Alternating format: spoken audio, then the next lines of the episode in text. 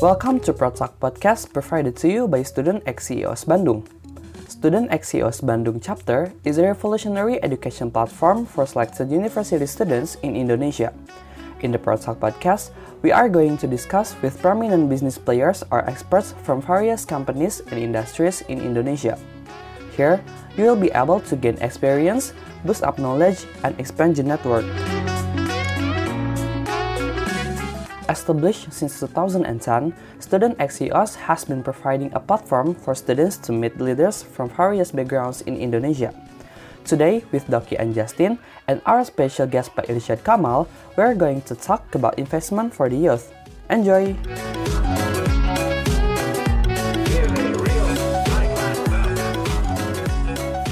Halo semuanya, selamat datang di Pro Talk. Kali ini, kita bakal bawain topik yang cukup ramai ya sejak pandemi, yaitu soal investasi ini. Banyak dari generasi muda yang tertarik untuk mengembangkan asetnya melalui instrumen investasi. Tapi gimana sih seluk-beluk investasi di kalangan pemuda? Kenalin, aku Andika Fadilah atau bisa dipanggil Doki. Di sini aku bareng Kak Justin yang akan memandu episode Talk kali ini. Halo Kak Justin. Halo Doki. Wah, seneng banget nih aku bisa ikut ngebawain Talk episode kali ini. Aku mau nyapa dulu nih. Halo semuanya, aku Justin Naima Koslet, aku biasa dipanggil Justin. Di sini aku akan jadi salah satu moderator yang akan membantu proto kali ini. Tentunya ditemenin Doki juga dong. Nah, teman-teman, di episode kali ini kita udah kedatangan tamu yang gak kalah kece dari episode-episode sebelumnya. Di episode kali ini kita kedatangan Pak Irsyad Kamal Pak Irsyad Kamal ini adalah seorang lecturer dan researcher di UNPAD dan juga menjabat sebagai investment advisor at Government of Bandung City. Nah, masuk banget kan, nyambung banget sama apa yang akan kita bahas di episode kali ini. Langsung kita sapa dulu yuk. Selamat malam Pak Kamal, gimana nih kabarnya? Halo, malam Doki, malam Justin. Selamat malam. Malam, sehat-sehat ya Pak, tentunya. Ya, Alhamdulillah, thank you. Semoga kita semua sehat semua ya. Amin, amin. Nah, Pak Irsyad Kamal mungkin boleh perkenalan lagi nih untuk pendengar Pro Talk episode kali ini. Silakan Pak. Ya, betul tadi. Thank you Justin sudah diperkenalkan singkat ya. Saya Kamal, dipanggilnya saya lecturer and researcher di Pajajaran University di Fakultas Ekonomi and Business. Nah, selain itu juga saya jadi penasihat investasi Kota Bandung dan saya juga menjalankan konsultan di Nano Business Partner as a senior consultant and partners. Mungkin itu aja kali ya. Mempersingkat waktu. Wah. Oke. Okay. Wah, kece banget ya Pak Kamal ini. Gimana Doki? Kece kan? Wah iya keren banget ya Kak Justin Pak Kamal ini. Nah berhubung Pak Kamal ini sudah berpengalaman ya Pak di bidang investasi ini. Saya jadi penasaran nih Pak, menurut Pak Kamal sendiri apa sih investasi itu gitu dan seberapa berpengaruh sih investasi pada kehidupan kita? Mangga Pak Kamal. Oke. Okay. Basically uh, ada dua investasi yang harus kita bisa bedakan di awal ya. Yang pertama investasi in corporate term and uh, investment in uh, personal term gitu ya. Jadi kita harus bisa membedakan antara corporate dan personal. Tapi kedua-duanya itu satu hal yang sama sebenarnya. Di mana tujuan berinvestasi adalah untuk mendapatkan return di suatu uh, yang akan datang gitu ya dengan cara uh, melakukan investment. So uh, atau menunda kenikmatan di masa sekarang untuk mendapatkan satu manfaat benefit atau return di masa depan untuk bisa dinikmati. Gitu Doki. Itu ya basicnya investasi ya. Tapi tetap ada dua tuh. Ada yang personal dan ada yang corporate. Tapi sebenarnya sama-sama nih. Nah kayaknya e, buat mahasiswa yang akan kita bahas termnya lebih ke personal ya kalau saya lihat ya di sini ya. Benar nggak? Iya pak. Iya Bener banget Pak. Mungkin karena mahasiswa itu belum begitu terjun langsung secara dari lagi ke perusahaan-perusahaan gitu ya Pak, corporate. Jadi mungkin kita bahas-bahas yang personal ya Pak. Yes. Nah, wah kalau begitu apa investasi ini akan lebih berdampak jika dilakukan sedini mungkin, terutama bagi kalangan mahasiswa tadi ya Pak. Kalau iya, mengapa begitu Pak? Ya, yeah, of course Kenapa investasi itu akan sangat bermanfaat dan akan memiliki impact yang besar ketika dimulai sedini mungkin? Kalau teman-teman belajar finance gitu ya, ada namanya compounding. Nah, e, ketika teman-teman memulai investasi sedini mungkin, ada value of compounding yang akan terus tumbuh berkembang. itu akan berbeda nilainya ketika mulai di umur 20-an dan mulai di umur 30-an dan mulai di umur 40-an. Nah, itu compoundingnya akan lebih besar, manfaatnya, benefitnya ketika kita mulai sedini mungkin. Dan based on research ada juga eh, pernah saya lihat di Instagram ada anak-anak kecil eh, di dikasih eh, tas eh, sama ibunya eh, ini ada kue. Dia itu kue kesukaan dia. Kamu tahan dulu ya ibu mau ngambil sesuatu baru kamu boleh ambil. Nah ternyata orang-orang yang bisa menahan itu dan ibunya sampai datang dia ngasih kue itu itu adalah ciri-ciri nanti anak yang bakal sukses gitu dan dia bisa mendapatkan uh, benefit di masa yang akan datang itu sama dengan investasi sebenarnya menunda kenikmatan sekarang untuk mendapatkan uh, return benefit atau manfaat or impact di masa yang akan datang gitu. Wah, ya bener banget sih Pak. Jadi saya jadi keinget sama ceritanya Warren Buffett sih yang ketika investasinya itu mulai berapa belas tahun, kita 11 atau 13 yeah. tahun, yang mudah banget dan mungkin selain di bidang kompo eh di ranah di compounding itu Warren Buffett juga jadi pengalamannya bisa lebih banyak lagi yes. sedini mungkin gitu ya, Benar. Ya, ya. Dia akan uh, more uh, learning faster gitu ya. Jadi dia akan belajar lebih cepat dibandingkan orang-orang seumurannya mungkin. Sehingga dia akan lebih wise uh, ketika dalam mengambil keputusan-keputusan khususnya keputusan investasi di masa yang akan datang.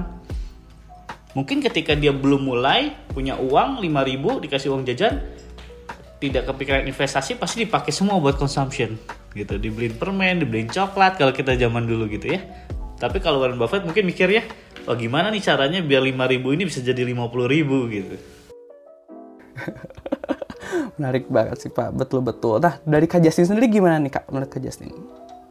Wah, bener-bener nangkep banget nih basic investmentnya. Gimana teman-teman semua udah dapet banget kan basic investasi yang udah Pak Kamal jelasin dan juga uh, tadi dijelasin disinggung dikit juga tentang pengalaman yang bakal uh, bikin returnnya ke depan makin banyak ya. lagi. Yeah. Nah Pak Kamal karena udah tadi jelasin nih tentang basic investmentnya, Nah, sebelum mulai investasi supaya teman-teman juga bisa ngeantisipasi nih, boleh tahu nggak sih mungkin dari pengalaman atau mungkin yang udah Pak Kamal lihat as an advisor, kesalahan apa aja sih yang lumrah dilakukan mahasiswa sebelum investasi? Yeah.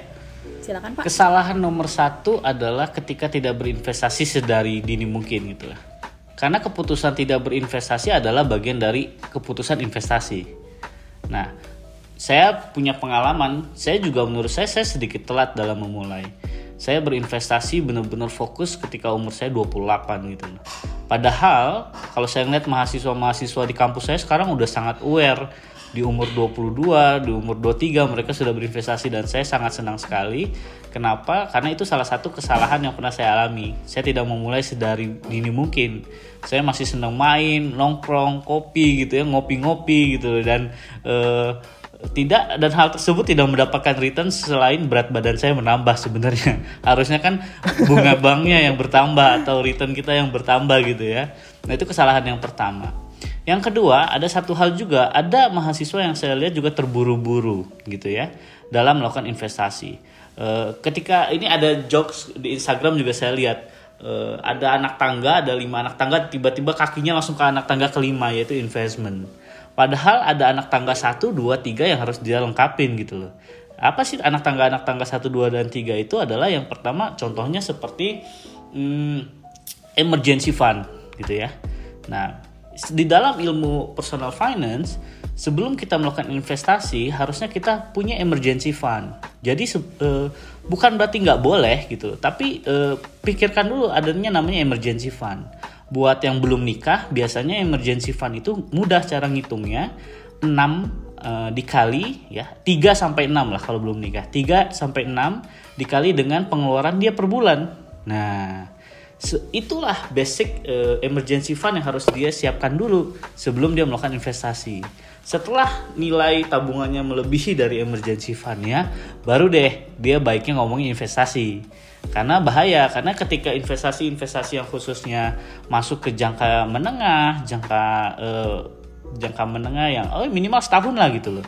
Ketika terjadi satu dan lain hal dia punya investasi tapi dia tidak bisa mengcover jangka pendeknya. Nah, itu yang sering banget terjadi di mahasiswa.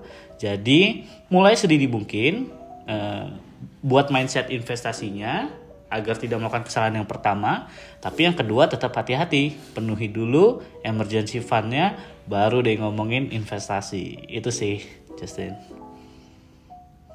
Wah, noted banget nih Pak untuk aku. Eh, Aku udah mulai investasi tapi tetap masih guna banget nih eh, kesalahan-kesalahan yang bisa bikin aku mengantisipasi nantinya. Dan juga pasti untuk teman-teman yang mau mulai jangan lupa take note ya sama tadi Pak Kamal bilang harus ada emergency fund dulu sebelum kita mulai.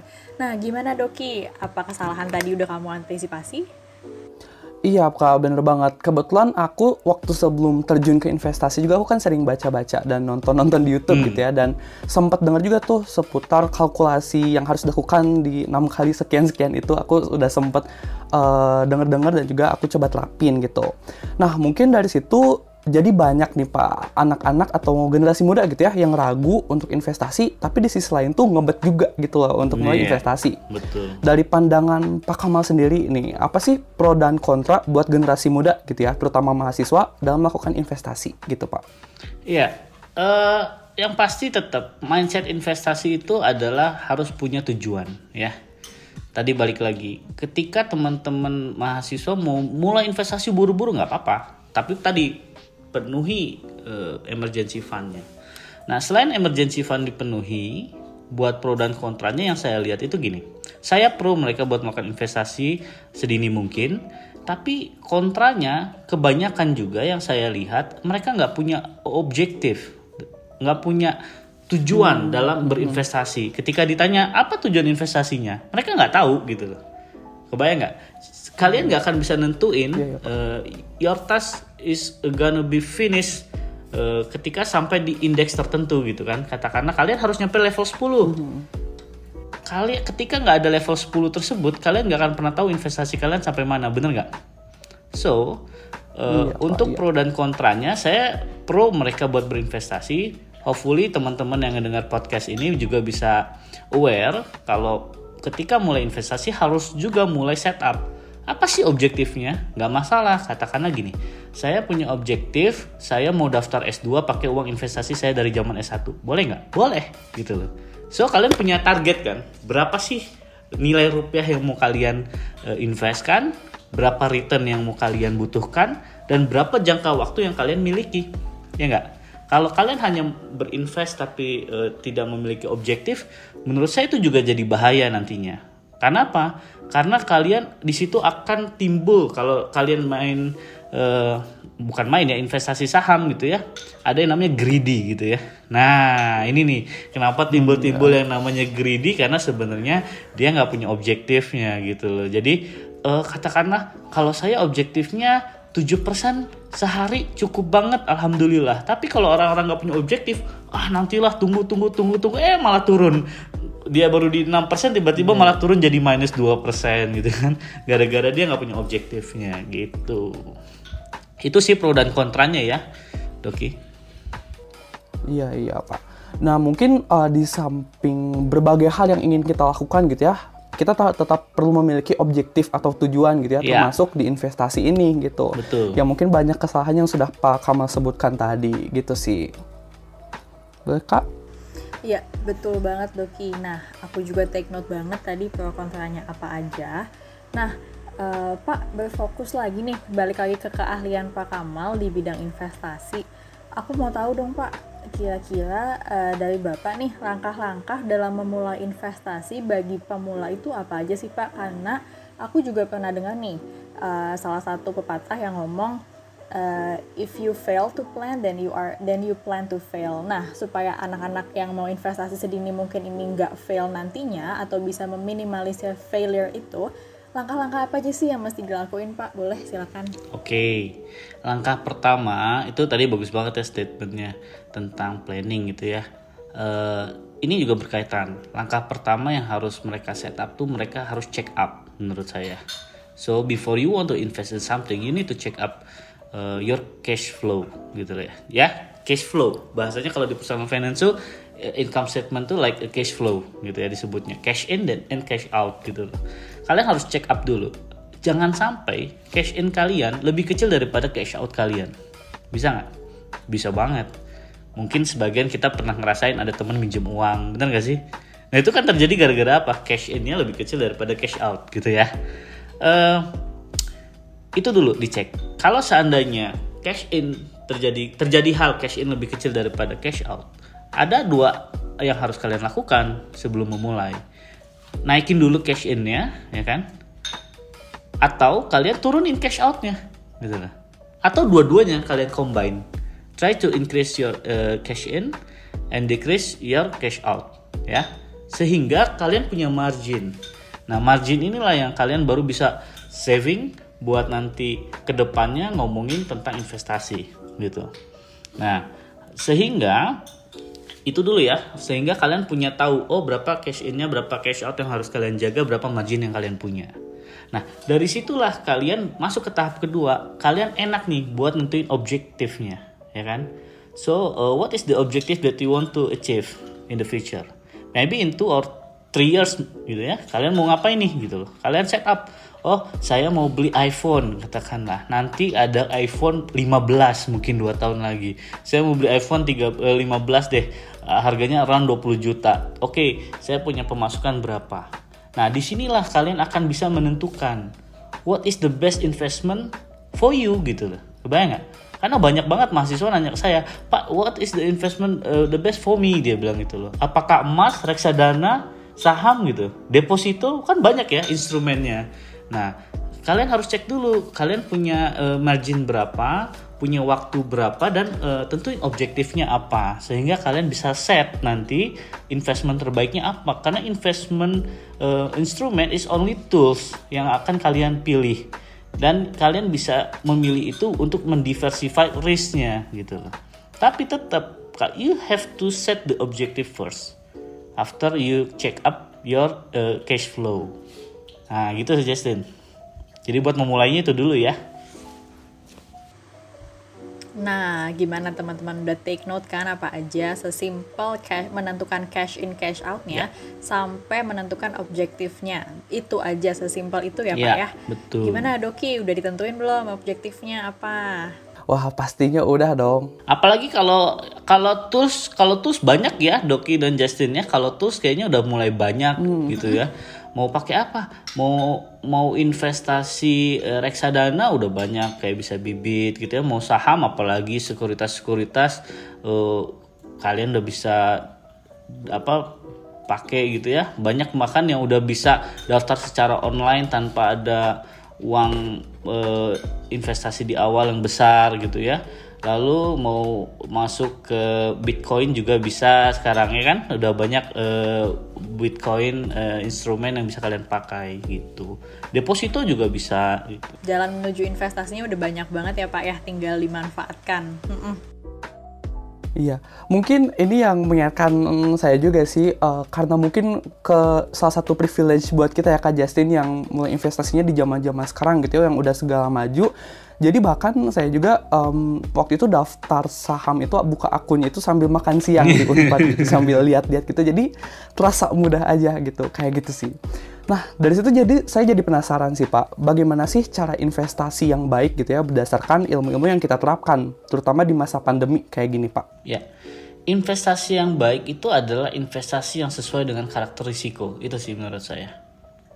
Uh, itu yang jawaban saya paling baik menurut saya gitu ya jadi bagi seseorang ada yang dia berani take risk buat main forex itu karena kalau memang dia wanna take risk on it and dan dia mau nerima risiko itu ya is okay gitu loh.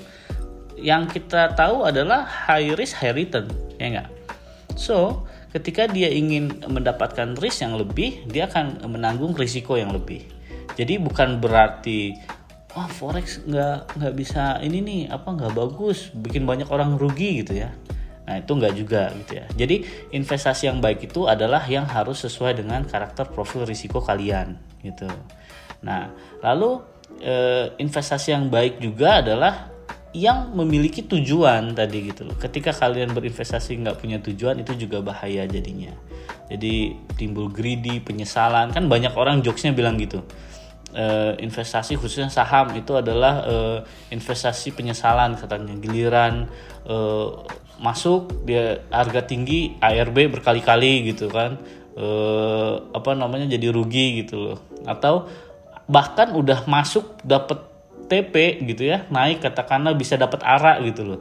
Nyesel juga masih. Kenapa? Kenapa gua nggak dulu Iya. eh, masuk? Banyak ya lotnya. Dia bilang kan gitu. Jadi kayak seolah-olah Iya, penyesalan nah itu yang harus kita bilang eh, jangan sampai terjadi seperti itu. Kalian harus tahu plan kalian apa gitu loh. Dan kalian tahu kemampuan kalian apa risiko berapa.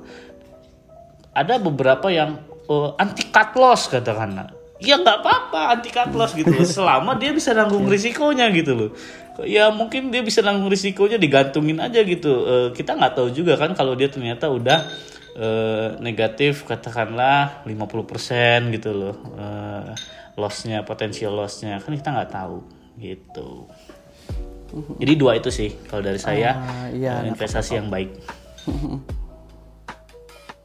Iya, jadi ingat ya buat teman-teman berarti yang harus kita pertimbangkan nih yaitu resiko dan juga objektif kita dalam berinvestasi apa. Dan mungkin saya juga mengalami hal yang sama sih sampai sekarang kayak kadang udah coba-coba beli saham itu tetap ada rasa penyesalan itu tetap ada. Dan dari situ saya mesti coba-coba belajar untuk meminimalisir itu sih dengan membuat apalagi tujuan yang jelas apalagi gitu ya, Pak. buat seminggu ini bener nggak seminggu ini market lagi Iya, gila bener banget, banget, kan gitu loh Eh, siapa Gila yang gak iya. kegantung gitu loh mungkin saya juga eh, potensial loss saya satu iPhone 12 kali ya gitu. Potensial lossnya gitu loh. Tapi kan selama risikonya masih bisa kita tanggung gitu loh. Atau kadang saya juga bingung dengan orang yang ribut eh, better fundamental better technical gitu loh. Menurut saya nggak perlu diributkan. Itu memang eh, it's just the way gitu ya buat eh, mereka memilih risiko yang mereka mau pilih dan memilih return dengan objektif yang mereka mau pilih. Itu sih seru ya market minggu ini ya. Banget, ya. membara. Seru banget Pak, fluktuatif banget. ya itu makanya money management juga perlu tuh. Eh, di momen kayak gini ya tergantung style ya. Kalian harus bisa lihat bottomnya di mana dan kalian kapan mau ambil eh, decision buat eh, average down atau eh, menyesuaikan risiko yang mau kalian ambil. Itu sih. Nah, eh, betul banget Pak. Nah, eh, Pak Kamal tadi kan kita dari tadi udah bahas nih langkah-langkah, terus juga disinggung risk, disinggung juga objektif, dari planning ya segala macam. Nah, eh, gimana sih untuk kita nih yang udah eh, mulai investasi saat finally udah take decision untuk udah deh gue investasi nih. Untuk nge-maintainnya gimana sih atau apa aja sih yang mesti diperhatiin saat kita udah mulai investasi? Soalnya balik lagi kan mahasiswa atau manusia itu sifatnya nggak pernah Hmm, puas. betul. Jadi eh, gimana nge-maintain si investasi itu gitu? maintain investasi eh, always learn gitu ya. Saya pun sampai sekarang masih belajar gitu loh. Who knows? Minggu ini mengajarkan saya banyak hal gitu loh. Saya yakin banget kemarin itu IHSG bakal rebound dari pendekatan fundamental, dari pendekatan teknikal, arahnya semuanya ke arah positif gitu loh. Tapi faktanya nggak gitu kan. Market tiba-tiba beres gitu. Semua turun eh, jadi merah membara gitu. Jadi eh, terus belajar. Kita lihat, apalagi hal-hal kemarin terjadi di Amerika gitu ya, yang tentang eh, perusahaan game, ya kan, sampai bikin perusahaan hedge fund eh, bangkrut dua loh, perusahaan dua hedge fund bangkrut di, di kerubungin sama retail gitu ya. Itu kan satu hal yang baru. Nah, dalam berinvestasi juga sama teman-teman. Akan ada banyak in the future potential for your investment gitu loh, buat eh, apa namanya capital market gitu ya.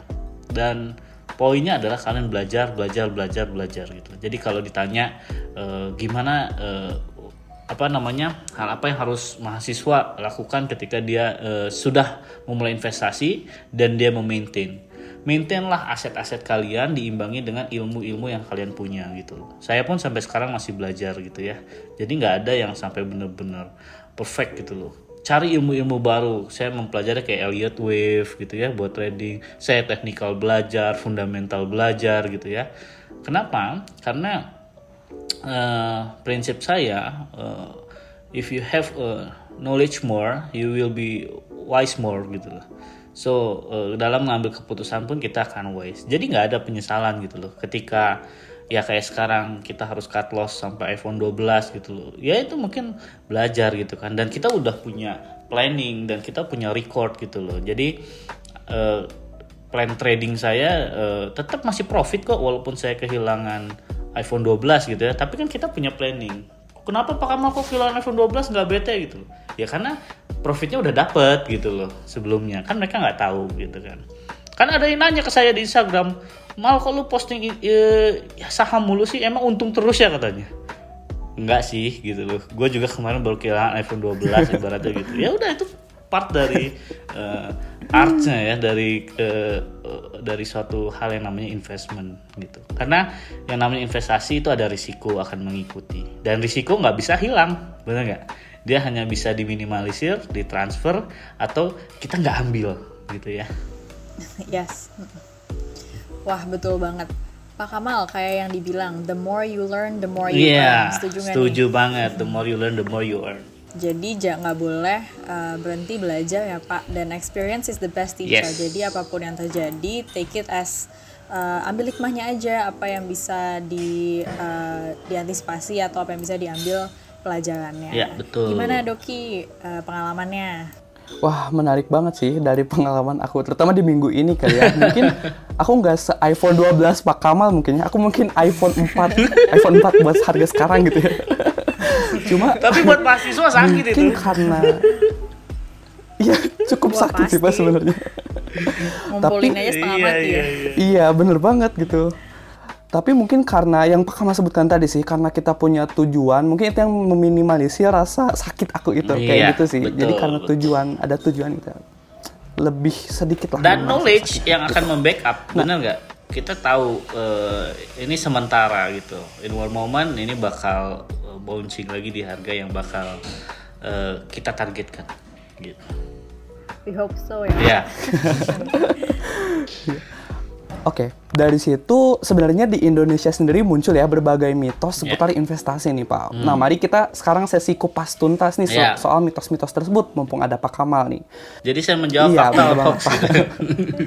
Fakta or hoax gitu. Hmm.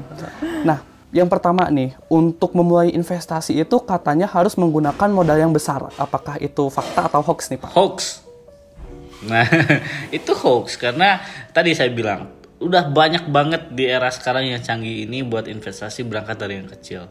Sekarang gini satu lot sido berapa sih sekarang? 72.000 ribu kan per hari inilah ibaratnya satu lotnya. I- i- itu ha- hampir sama kayak kalian sekali ke Starbucks ya gitu loh. Beli kopi sama beli makan. Ya nggak sih? Itu udah satu lot saham sido muncul gitu loh. One of the uh, apa ya potential company in the future lah gitu ya di dalam farmasi. Ya itu satu lot. Udah dapat tuh? Jadi mahal nggak itu? Ya relatif tapi ya itu satu hal yang harga bisa kalian compare dengan satu kopi gitu. Nah, ada lagi yang lebih murah? Ada lagi gitu. Masih banyak saham yang lebih murah yang bisa kalian pilih. Iya, bener banget kata Pak Kamal. Nah, mungkin kita next ke mitos atau fakta selanjutnya ya Pak. Katanya itu banyak yang bilang nih kalau modal besar itu akan menghasilkan keuntungan yang besar. Begitupun sebaliknya gitu. Kalau menurut Pak Kamal sendiri gimana tuh? in mathematics ya fakta. Jadi ini saya jawabnya half half ya. Eh, Kenapa? Karena dalam matematikanya fakta. Ketika kita punya modal besar, kita bisa compounding makin besar. Tapi dalam berinvestasi itu hoax, gitu ya. Jadi eh, tetap aja ketika kalian modalnya besar, nggak hanya untung besar, tapi bisa rugi besar. Ya nggak? Kalau kalian nggak belajar, tuh kalian bisa rugi besar. Karena compoundingnya compounding negatif jadinya. Oke oke. Nah eh, mungkin sekarang mitos yang terakhir ya. Hmm. Eh, katanya itu untuk memulai saham itu harus ada kemampuan yang da- dalam tanda kutip harus jago gitu ya. Bener gak Pak tuh soal itu? hoax saya bisa jawab hoax nggak Kenapa harus Pak? jago yang penting kalian bisa mau belajar yang pasti tadi ya Eh, minimal apa sih yang dipelajarin Eh, bagaimana cara membaca laporan keuangan ya kalian bisa ngeliat neraca kalian lihat laba rugi kalian belajar cara baca cash flow belajar rasio-rasio gitu ya dan kalian paham tentang industri Nah, jadi kalian mau baca aja, kuncinya mau baca gitu loh. Jadi bukan masalah jagonya, tapi mau baca. Percuma orang jago ya, paham, ngerti, tapi dia nggak mau baca. Karena itu newsnya selalu baru. Tiap kuartal pasti akan keluar laporannya. Berita-berita akan terus keluar tiap harinya. Jadi kuncinya apa sih? Kompetensinya nggak harus jago, tapi mau baca. Kuncinya itu. Hmm, oke oke. Ya mungkin uh, sambil kita belajar sambil menjalankannya juga iya, gitu ya Pak ya. Iya, benar Uh, banget. Jadi kerasa tadi- nih gitu. Mm-mm, langsung gitu ya. Iya. Yang mungkin tadi Pak Kamal juga cerita kalau misalnya walaupun udah bertahun-tahun menjalani investasi juga Pak Kamal masih belajar gitu Iya, ya. betul. Bahkan bakal kita bakal terus belajar gitu. Hmm, gitu. Ya gak sih Kak Justin? Betul banget, kita nggak boleh stop belajar ya Pak Kamal. Yes.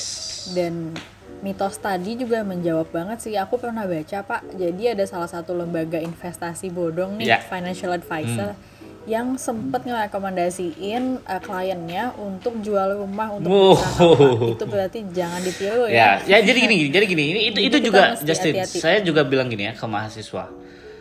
Ketika keputusan itu kamu ambil sendiri tanpa ngikutin keputusan orang lain, kamu gak akan nyesel gitu. Tapi kalau kamu menyerahkan investasi itu ke orang lain, suruh dikelola atau ngikutin advice tanpa kamu imbangi dengan knowledge, nah itu terjadi yang seperti itu gitu loh, ya. Bahkan ada isu yang kemarin nih lagi naik nih, yang lagi sering ara-ara gitu ya, farmasi gitu loh, saham-saham kayak IRA, KF gitu ya. Antam, Elon Musk mau ke Indonesia, isunya kan gitu ya. Terus orang mau vaksin, sahamnya arah berkali-kali. Ada orang sampai minjem uang pinjol gitu loh. Terus ada orang sampai dia make eh, uang arisan, ada mahasiswa pakai uang buat wisuda gitu loh. Nah, itu. Nah, ketika dia belajar tentang investasi lebih banyak, akhirnya dia tahu, oh, ternyata harus bertahap ya, ada emergency fund, ada investasi. Kenapa sih harus ada emergency fund? Berarti kan di situ kita udah punya kemampuan mengelola uang. Uang yang kita pakai buat investasi adalah bahasanya itu adalah uang dingin ibaratnya gitu loh. Yang dalam waktu dekat tidak akan kita pakai. Toh kalaupun kita pakai kita masih punya emergency fund. Jadi bukan uang minjem gitu ya atau uang arisan yang bakal dipakai bulan depan gitu. Itu nggak bisa gitu. Iya betul banget. Jadi mahasiswa mesti hati-hati banget ya Pak untuk memilah-milah keputusannya. Nah Pak, tadi kan udah bahas banyak banget ya tentang investasi, eh, tentang eh, risk dan lain sebagainya. Nah mahasiswa ini Pak, terutama di masa pandemi nih, banyak nih yang uang jajannya di-cut termasuk saya. Nih. Nah, ya kan. Iya, iya, betul, Jadi betul, betul. income income mahasiswa nih eh, menurun nih pak. Hmm. Nah, banyak yang pengen dapat uang tambahan, dapat income tambahan atau dalam tanda kutip dapat cuan pak. Hmm. Bisa nggak sih dapat cuan lewat investasi? Gimana sih pak caranya? Pengen Ya. tahu dong. Selama kalian sebelum pandemi sudah rajin menabung, pakailah uangnya. Atau gini, kalaupun kalian merasa pengen berinvestasi, dapetin cuan dari investasi, ya ini ini ini hanya saran ya, saran saya gitu loh. Kadang di masa kita punya uang, kita konsumtif membeli barang-barang yang nggak perlu, benar nggak sih? Coba kita pikir-pikir gitu. Kadang-kadang kita punya sepatu lebih dari lima gitu. Jam tangan lebih dari tiga gitu.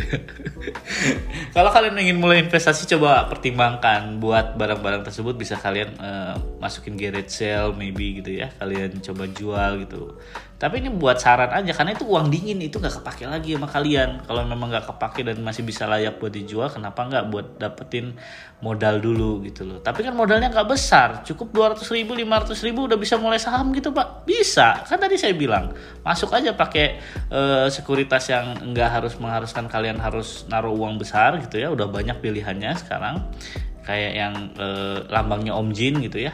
Eh, itu juga udah easy gitu kan. Terus juga eh, investasi mulai 200 ribu dapat apa? Itu tadi saya bilang bisa aja dapat dua lot saham eh, Sido gitu atau saham yang lain kalian bisa ambil. Konsepnya lebih ke menabung sih gitu loh. Nah kalau memang ini eh, duanya lewat investasi ya karena tetap harus ada eh, tadi kenikmatan yang harus kalian tunda benar nggak? Kita bahas tuh di awal ya. Kenikmatannya apa ya kalian jadi punya sepatu dua. Tapi cukup lah punya sepatu dua gitu loh ya nggak sih? Kan eh, tadinya kalian punya nikmat tuh punya sepatu lima jam tangan lima katakanlah. Tapi itu kalian tunda dulu sekarang gitu loh. Beli sepatunya kalian tunda jamnya kalian tunda gitu.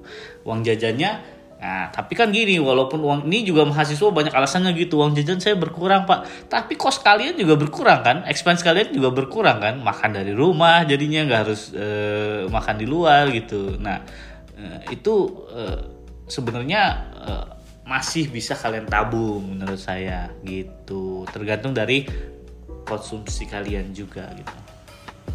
jangan dikit-dikit wah lagi 11 11 nih belanja. iya tadi balik lagi cash in cash out. Godaannya banyak memang kayak lagi 11 11 12 12 gitu ya. WIB waktu Indonesia belanja gitu. Ah banyak lah godaannya Betul itu notif notif handphone yang mesti diingat ya belanja belanja itu. Betul kan ditunda dulu ya kenikmatannya. Iya, ditunda. Nah, ngejawab banget kan keresahan mahasiswa uh, tentang cuan dalam masa pandemi. Gimana Doki, udah cuan belum? Wah, kalau minggu ini sih ya yang tadi ya sama kayak apa sama yang iPhone seharga iPhone gitu ya. Cuma mungkin aku iPhone yang lebih jadul-jadul sih Kak, kayak gitu. Cuma dalam sejauh ini ya aku sempat merasakan gitu ya dapat cuannya gitu. Dan itu kadang ada rasa satisfy aja sih merasa puas aja yes. uh, nggak nggak mengeluarkan konsumsi demi dapet cuan gitu. Jadi ada kesenangan sendiri lah dari situ gitu Nah, selanjutnya lebih ke pengalaman sih, Pak. Pak Kamal ini punya gak sih pengalaman yang bisa dibilang tidak enak ya selama investasi gitu? Jika ada, uh, gimana sih cara Pak Kamal mengcover ketidakenakan tersebut gitu? Ini lebih ke pelajaran aja sih buat kita-kita uh, generasi muda ini dalam berinvestasi gitu sih. Uh, selama investasi saya di pasar uang ya, nggak uh, ada sih buat kekecewaan ya gitu loh. Adanya saya pernah investasi di sektor real ya jadi saya investasi buat bikin barbershop waktu itu gitu loh nah saya juga masih belajar karena di situ saya masih S2 masih kuliah gitu kan. Hmm, saya dapat uang saya investasi bikin barbershop di Jatinangor gitu loh. Ini pengalaman investasi saya. Ini part of investment juga kan. Uh, terus di Jatinangor itu ada kesalahan saya uh, menganalisis market. Ternyata ketika liburan barbershop itu revenue-nya turun 50% dan itu di luar dari perkiraan saya gitu. Saya kira masyarakat Jatinangor itu nggak seramai itu. Dan dulu saya jarang banget ke Jatinangor karena kuliah saya kan masih di DU gitu loh. Tapi itu uh, one of the potential market yang pernah saya lihat karena ramai banget gitu kan ya lumayan. Puasa tiga bulan itu bisa menggerus eh, apa namanya potensial revenue kita eh, di tiga bulan ketika mahasiswa yang ada. Jadi pas saya lihat returnnya nggak terlalu tinggi buat saya gitu ya. Dan akhirnya kita exit strategi eh, saya sell out gitu lah. Saya saya sell out eh, aset-asetnya saya sell out. Dan alhamdulillah ya lumayan lah. E, mengurangi e, modal saya let's say modalnya dari e, 50 juta gitu ya. Itu alat-alat bisa kejual semuanya sekitar 40-an juta gitu. Jadi loss saya nggak bener-bener 50 juta. Karena kan exit juga tetap punya strategi gitu loh. Jadi ketika berinvestasi itu punya exit strategi. Karena kan tadi ketika kayak minggu ini gitu ya di bisnis. Kita punya money management. Dari awal saya pun di saham kemarin udah mulai masukin eh, 60% saham 40% cash gitu ya. Nah ketika ini terjadi saya langsung uh, bisa menggunakan alternatif-alternatif strategi saya buat uh, menurunkan atau malah sebenarnya menurut saya ini harga yang diskon gitu ya. Nah jadi tetap punya money management yang bagus. Jadi ketika teman-teman mau mulai berinvestasi pengalaman saya ada yang harus kalian lihat yaitu ya pelajari marketnya dengan jelas gitu loh. Kalau seandainya di bisnis tadi market itu potensial marketnya konsumen yang bakal dateng gitu ya. Kalau di uh, apa capital market ya kalian harus lihat juga gitu loh. Kalian harus lihat IHSG-nya pelajarin kenapa sih IHSG jadi patokan gitu kan. Ya kalau IHSG itu saya bilang asumsinya sama seperti apa ya? Cuaca ya. Ketika kalian mau berlayar nangkap ikan gitu loh Nah cuaca lagi buruk tuh, IHSG lagi buruk tuh. Nah berarti kan susah juga kalian menangkap ikan gitu loh, ya nggak sih? Nah itu salah satu analogi saya menjelaskan dengan mudah gitu yang harus dipelajari ya tentang banyak hal kita akan belajar tapi ketika saya ada kerugian tersebut gitu ya eh, dengan investasi itu malah saya makin kuat banget buat saya harus berinvestasi lebih untuk mengembalikan kerugian saya tersebut benar nggak dan kita punya willingness buat ngembalikin loss kita gitu loh. Dengan kita cari ilmu baca lebih banyak strategi apa yang harus dilakukan ketika seperti ini gitu ya. Uh, itu beda banget dan gak akan bisa didapetin oleh mahasiswa yang belum terjun langsung gitu loh. Ya nggak sih? Ketika dia terjun tidak terjun langsung dia tidak akan merasakan experience-nya gitu loh. Tapi kalau dia udah masukin aja saham satu aja dia punya gitu ya. Sahamnya turun nah dia baru ngerasain gitu oh gini ya rasanya oh gini ya rasanya kalau minusnya sampai 20% di saham gitu gitu. Nah, iya. ah iya, nangkap nangkap. Mungkin ini sedikit uh, fun fact juga ya pelajaran yang bisa kita ambil gitu. Yang sering saya dengar-dengar tuh kalau Jatinangor itu ketika mahasiswanya lagi libur, Jatinangornya jadi berasa kota hantu iya, gitu ya Pak. itu Jadi apalagi zaman dulu ya, apalagi zaman dulu ya gitu. Iya, apalagi iya. pas zaman saya itu. Dan mungkin pelajaran yang bisa kita dapat juga dari Pak Kamal gitu ya kalau uh, selain strategi untuk masuk ke ranah bisnis, mungkin bisnis bisa disebut salah satu investasi juga Iya, ya Pak. hmm, bisa. Kita juga perlu menyiapkan strategi keluarnya juga gitu. Jadi Iya. strategi masuk dan keluar gitu. Hmm. Jadi meminimalisir loss gitu loh. Jadi jangan sampai oh bangkrut nih, udahlah gue mau tutup, udahlah nyerah bye gitu loh. Aset-asetnya masih banyak. Padahal dia bisa jual asetnya, eh, AC, kaca, kursi kan masih bisa dijual. Nah kita harus punya exit strateginya. Gitu. Sama di saham juga. Ketika eh, ARB berkali-kali gitu ya. What do you want to eh, apa namanya strategi that you want to take gitu ya ketika ini kok saham gua masuk rekor ya bisa ARB 8 kali berturut-turut gitu loh kasihan banget yang kena dipucuk gitu ya Yes. I see, I see. Betul banget, Ya, Pak. Menurut Kak Jasmine sendiri gimana nih Kak? Iya, kalau tadi ngelihat dari pengalamannya Pak Kamal sih tentunya eh, kita bisa take note banget ya balik lagi ke yang tadi Pak yang eh, nggak boleh take stepnya langsung ke step 5 karena di bawahnya tuh ada money management, ada market analysis, ada emergency fund yang tadi dijelasin juga. iya Eh, jadi benar-benar mesti Yes. dianalisis dulu semuanya untuk ngambil keputusan. Yes, Pak. Eh, dengan jabatan Bapak nih as a financial advisor, apalagi tingkatnya udah di eh, Government of Bandung City.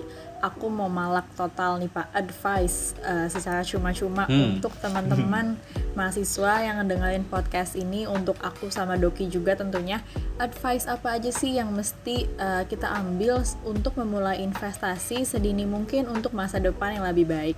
Mungkin juga bisa Pak dikasih sedikit referensinya nih mulai investasinya gimana. Silakan Pak.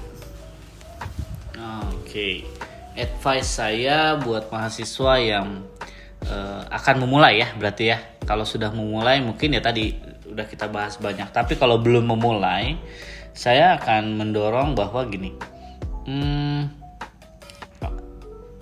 mulailah segera advice dari saya dengan cara hal paling mudah berinvestasi. Apa itu hal paling mudah berinvestasi? Belajar, ya. Jadi belajar juga adalah investasi eh, ada yang bilang investasi berharga di tahap awal sebelum kalian menginvestasikan uang kalian itu adalah investasi dari leher ke atas. Maksudnya apa? Dari leher ke atas eh, baca buku gitu ya tentang investasi, baca buku tentang instrumen-instrumen investasi itu part dari investasi. Nah, jadi yang belum mulai masih takut. Ketakutan itu terjadi karena kalian tidak tahu. Nah, jadi ketika kalian tahu, kalian gak akan takut, gitu ya. So, investasi termudah adalah, apalagi sekarang referensi banyak, cari YouTube, mau fundamental, oh, cari aja eh, investasi fundamental, katakanlah Ryan Filbert gitu ya, atau siapa yang yang memang itu kalian googling aja semua atau di YouTube kalian cari itu langsung keluar berderet. Atau kalian pengen wah gue mau jadi trader katanya. Oke belajar eh, Elliott Wave katakanlah. Gimana sih Elliott Wave gitu ya? Atau kalian cari-cari sejarah saham sejarah investasi. Nah itu satu hal eh, yang bagus untuk memulai untuk eh, meyakinkan diri kalian memahami agar ketika keputusan berinvestasi itu kalian ambil kalian sudah berani. Nah, pada dasarnya suatu hari nanti ketika kalian dewasa pun pasti kalian akan berinvestasi apa pun itu, ya. Jadi investasi termudahnya adalah belajar, cari ilmu, eh, investin waktu kalian buat kalian belajar dulu. Karena eh, banyak netizen yang statement negatif dan kita amini itu mungkin karena kita nggak tahu aja sebenarnya. Gitu. Itu advice saya sederhananya. Oke, itu dia teman-teman advice dari investment advisor kita nih Pak Kamal. Gimana? Udah dituliskan semua, jangan lupa untuk di noted banget nih apa aja advice-nya. Nah, Pak Kamal, eh, tadi sebenarnya topik advice tadi tuh sebagai closing podcast kita nih. Eh, dan selama podcast Oke. ini berlangsung tadi, aku udah nyimpulin banyak banget. Aku dapet wawasan yang banyak banget, wawasan baru lagi, terutama dari Pak Kamal ya eh, tentang investasi dan investment for the youth. kurang lebih aku nyimpulin bahwa tentunya kita sebagai mahasiswa sebelum memulai investasi kita mesti punya knowledge yang cukup kita mesti punya uh, banyak money management knowledge yang bagus juga nggak uh, mesti dari jurusan manajemen keuangan ya pak semua bisa belajar karena uh, source-nya udah banyak banget bisa googling bisa uh, dan lain sebagainya. Yang tadi juga nggak boleh take step langsung ke level 5 uh, di bawahnya banyak hal-hal yang mesti kita perhatikan dulu. Terus juga uh, tadi udah banyak langkah-langkah yang disaranin sama Pak Kamal uh, dari risk juga dibahas dan banyak banget pokoknya notes aku full nih di handphone dari semua yang udah diomongin sama Pak Kamal. Doki gimana? Udah nangkep apa aja? Notesnya udah segimana nih? Wah sama sih kak, uh, sesi kali ini membuat wawasan yang lebih buat aku terkait investasi di usia muda ya. Apalagi yang ngena banget buat aku tuh di samping ilmu dan keberanian, kita juga perlu mempertimbangkan kebutuhan diri. Kayak yang tadi Pak Kamal sebutin, resiko, objektif, yang mungkin setiap orang itu punya kebutuhan yang beda-beda gitu ya. Nah, jadi kesimpulan yang aku dapetin, kita sebagai generasi muda itu gak perlu takut untuk memulai investasi. Justru ini merupakan kesempatan besar ya, karena ada yang namanya tadi compounding tadi gitu. Asal kita punya tujuan yang jelas dan juga ilmu yang memadai gitu. Nah, Protalk episode ini seru banget ya Kak Justin. Tapi sayang banget karena waktu yang terbatas, kita harus mengakhiri bincang-bincang kali ini. Tapi gak menutup kemungkinan, kita bisa ngobrol yang lebih dalam lagi di lain waktu ya. Yes, yeah. betul banget Doki. Oke. Okay. Nah, teman-teman, sayang banget protoknya harus selesai sampai di sini, tapi wawasannya nggak boleh selesai sampai di sini ya. Terus belajar lagi. Dan sampai ketemu di podcast lainnya ya. Thanks for having me, thanks for listening, dan thank you and goodbye. Selamat malam. Thank you semuanya. Thank you. Selamat malam. Bye. Bye. -bye.